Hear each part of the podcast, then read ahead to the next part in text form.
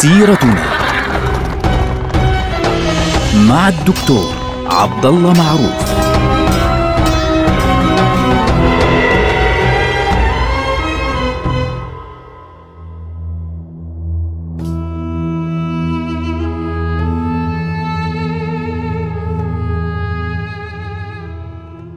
السلام عليكم ورحمة الله وبركاته. سيرتنا سيرة هذه الأمة العظيمة. ونحن الآن في زمن انتقالي إن صح التعبير بين فترة الحروب الصليبية والفترة التي تلت الحروب الصليبية. طبعا في مرحلة الحروب الصليبية اليوم بدنا ننتقل بالكاميرا فعليا من منطقتنا إلى منطقة الأندلس. لماذا؟ لأن هذه المنطقة أيضا شهدت تحولا كبيرا جدا في هذه المرحلة في مرحلة الحروب الصليبية. طبعا هناك واحد من الأحداث الكبيرة ذكرناها في حلقة ماضية هي إسقاط مرحلة ملوك الطوائف الأولى على يد يوسف ابن تاشفين ودولة المرابطين.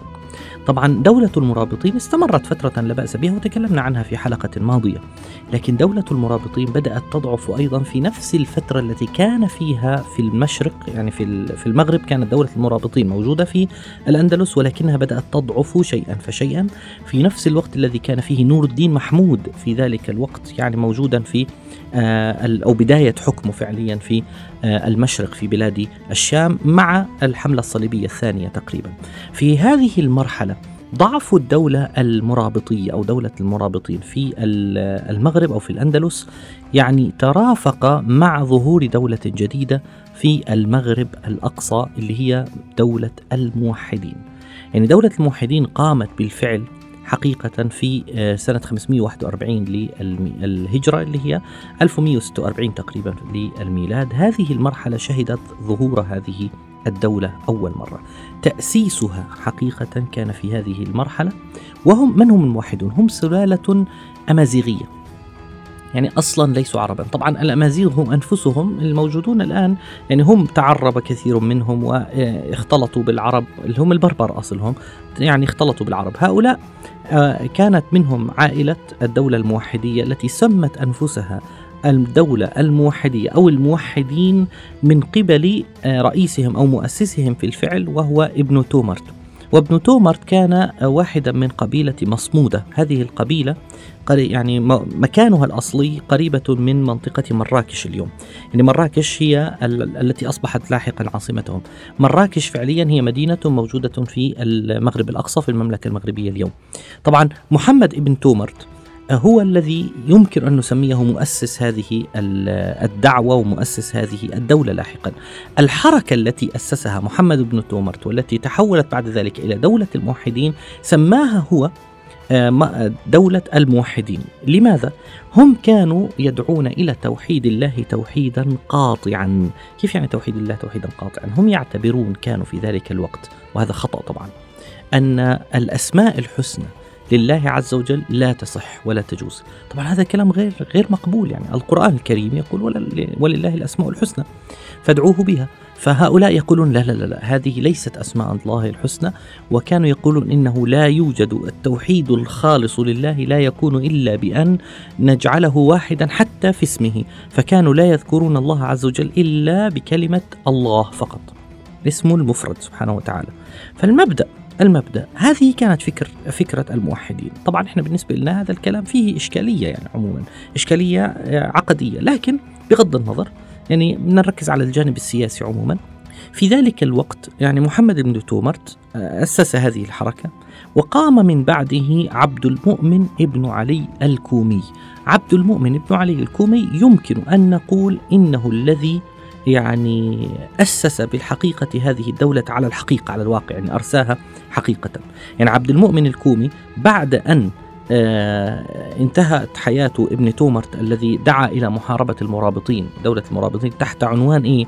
العقيدة وتنقية العقيدة ومش عارف إيه. بعد ذلك قام عبد المؤمن الكومي لاحقا بالاستحواذ على كل منطقة المغرب الأقصى ثم بعد ذلك دخل إلى الجزائر. طبعا آه، لماذا أعلنوا الجهاد بين قوسين ضد المرابطين؟ كانوا يعتبرون أن المرابطين لأنهم أهل سنة يقولون إن الله عز وجل له الأسماء الحسنى إلى آخره، كانوا يعتبرون أن هؤلاء آه، يعني ليسوا على التوحيد الحقيقي، لاحظ أنهم ناس متشددين يعني شديدو التطرف فيما يتعلق بقضية التوحيد وغيره. فهذه طبعا يعني تعتبر واحدة من النقاط السلبية بالنسبة لدولة الموحدين الذي يهمنا.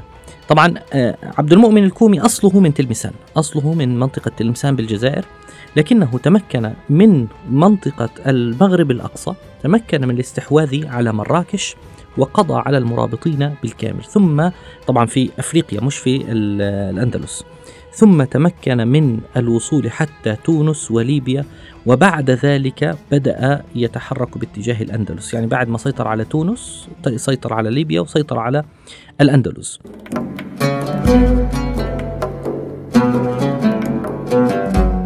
عبد المؤمن الكومي عندما أقام هذه الدولة فعليا في شمال إفريقيا من المغرب حتى تونس تقريبا قبل ما يدخل ليبيا بدأ يتوجه باتجاه آه، الأندلس طبعا لماذا توجه إلى الأندلس؟ توجهه إلى الأندلس كان بطلب من بعض الناس في الأندلس يعني كيف؟ آه، في 542 آه، اللي هي 1147 سقطت مدينة المريا في أيدي القشتاليين المسيحيين في الأندلس وهذه طبعا تقع في جنوب الأندلس لكنها سقطت من خلال البحر. في ذلك الوقت يعني فرنسا ساعدت هؤلاء ويعني قتل آلاف من المسلمين في هذه المرحلة. ثم بعد ذلك سقطت مدينة طرطوشة ثم سقطت لاردة. في أيدي أيضا من مملكة سرقسطة في أيدي المسيحيين القشتاليين في ذلك الوقت. طبعا مباشرة أيضا بدأت مملكة البرتغال أيضا تتوسع من ناحية الجنوب وتقضم المناطق الإسلامية واحدة تلو الأخرى في الأندلس. وتوجه المسيحيون في ذلك الوقت حتى وصلوا إلى تونس. فبالتالي بعضهم دخل إلى مناطق تونس. فعبد المؤمن طبعا هذا الرجل كان موجودا وكان مهتما بمنطقته الخاصة يعني كان مهتما بمنطقته الخاصة في الشمال. وبعد أن بدأ المرابطون يتساقطون واحدا تلو الآخر أمام القشتاليين في الأندلس آه، توجه أهل الأندلس مباشرة إلى عبد المؤمن الكومي. يعني جاءه القاضي ابن العربي. القاضي آه ابن العربي وصل إلى بلاد المغرب ثم بايع عبد المؤمن ابن علي وطلب منه النجدة لأهل الأندلس لأنه في سنة 543 طبعا اللي هي 1148 للميلاد. في ذلك الوقت كان نور الدين محمود حتى أنت تركز وين إحنا بالضبط في, الف... في الزمن كان نور الدين محمود في ذلك الوقت موجودا في آه الشام. ف آه، القاضي ابن العربي مباشرة ذهب إلى عبد المؤمن وقال له أنا أبايعك باسم الأندلس لكن أنقذنا من هؤلاء آه، القشتاليين وأنقذنا منهم. فمباشرة تحرك باتجاه الشمال عبر البحر وبدأ يضم هذه المناطق واحدة تلو الأخرى وحارب قوات الصليبيين حتى ضم معظم بلاد الأندلس التي كانت في أملاك المرابطين سابقا إلى دولة الموحدين. حتى إن بعض أنصار المرابطين قاتلوه ولكنه هزمهم جميعا. ثم بعد ذلك المرية تمكن من أن يأخذها مرة أخرى من المسيحيين آه، القشتاليين وتمكن من إخراجهم أيضا من تونس وتمكن من إخراج مناطق مختلفة وضم أيضا ليبيا فعليا إلى دولته فأصبحت دولته أكبر بكثير من دولة المرابطين. فيعني صار قريبا جدا إلى مصر في ذلك الوقت. هذه الدولة يعني نلاحظ أنها أصبحت اذا مملكة قوية جدا، يعني مملكة واسعة جدا، يعني يمكن أن نقسمها إلى عدة مراحل. يعني أول ما بدأوا بدأوا من عند مناطق المغرب الأقصى بدأوا يعني تلمسان وهران ثم بعد ذلك تحركوا إلى مراكش وفاس ونقلوا عاصمتهم إلى هناك وحتى وصلوا إلى مضيق جبل طارق ثم بدأوا بعد ذلك بدخول الجزائر ثم بعد ذلك ذهبوا إلى يعني خلص أنهوا إفريقيا وتحركوا باتجاه مناطق الشمال وتوجهوا إلى الأندلس بالكامل. فلذلك أصبحت منطق منطقتهم منطقة واسعة جدا وأصبحت دولة كبيرة جدا. آه، سموا أنفسهم في في مرحلة لاحقة سموا أنفسهم خلفاء. ويعني حكموا هذه المنطقة باعتبار أنهم هم أصحاب الدين الحقيقي أصحاب التوحيد الحقيقي. ويعني حكمهم استمر فترة لا بأس بها. يعني نحن نتكلم تقريبا تقريبا إذا بدنا نحسبها من عبد المؤمن الكومي لحد آخر واحد منهم اللي هو إدريس الواثق الدبوس. اللي هو آه، انتهى حكمه في 1270 تقريبا. يعني لما نيجي نتكلم عن هذه المرحلة بنحكي عن حوالي 140 سنة تقريبا. هذه المرحلة الطويلة يعني آه، حكم فيها هؤلاء الموحدون. طبعا الموحدون إخواننا معاملتهم مع البقية سواء أهل السنة أو مع أهل الذمة كانت يعني غريبة. في شكل بشكل عام كانوا متشددين لدرجة كبيرة جدا. يعني تعاملهم مع أهل السنة كان متشددا ينبع من فكرة أن أهل السنة هؤلاء يعني ليسوا ليسوا أساسا آه، موحدين حقيقيين لأنهم يقولون إن الله آه، من أسمائه الحسنى الرحمن والرحيم وغيره. طبعا قلنا هذا الكلام أنه عندهم العقيدة يعني عندهم مشكلة فيها. لكن بشكل عام بشكل عام آه، تعاملهم كان ليس يعني ليس بهذه القوة. أضف إلى ذلك أضف إلى ذلك أن تعاملهم مع أهل الذمة كانت قد مرت بمرحلة يعني هذول بالنسبة للسنة بالنسبة لأهل الذمة اللي هم اليهود والمسيحيين خاصة لما دخلوا إلى الأندلس الأندلس كان فيها وجود يعني كبير للمسيحيين بين المسلمين وأيضا لليهود كان يعني هناك وجود وحقوق يعني واضحة جدا وكان لهم تسامح عالي جدا المسيحيين واليهود في المجتمع الأندلسي.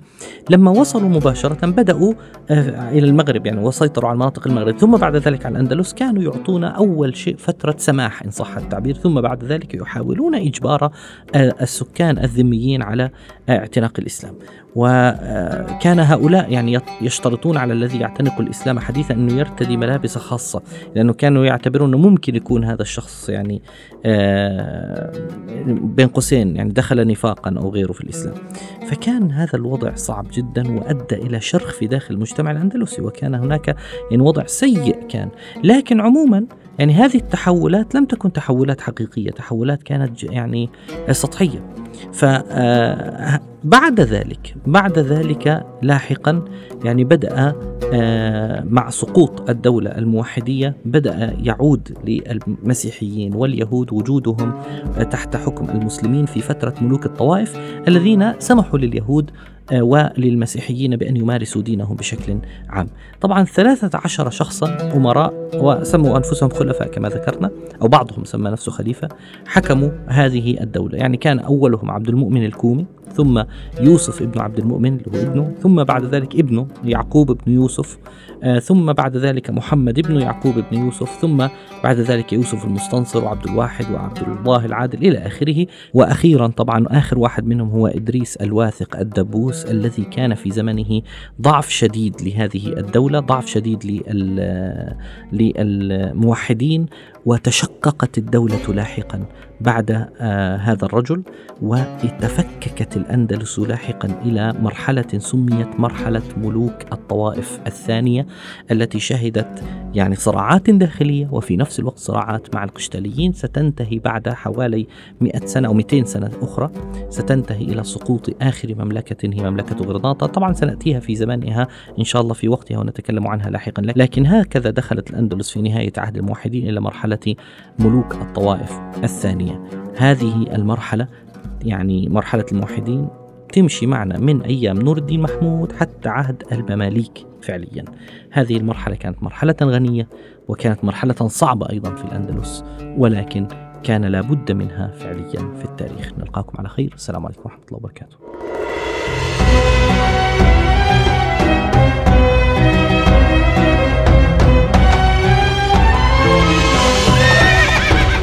سيرتنا. مع الدكتور عبد الله معروف.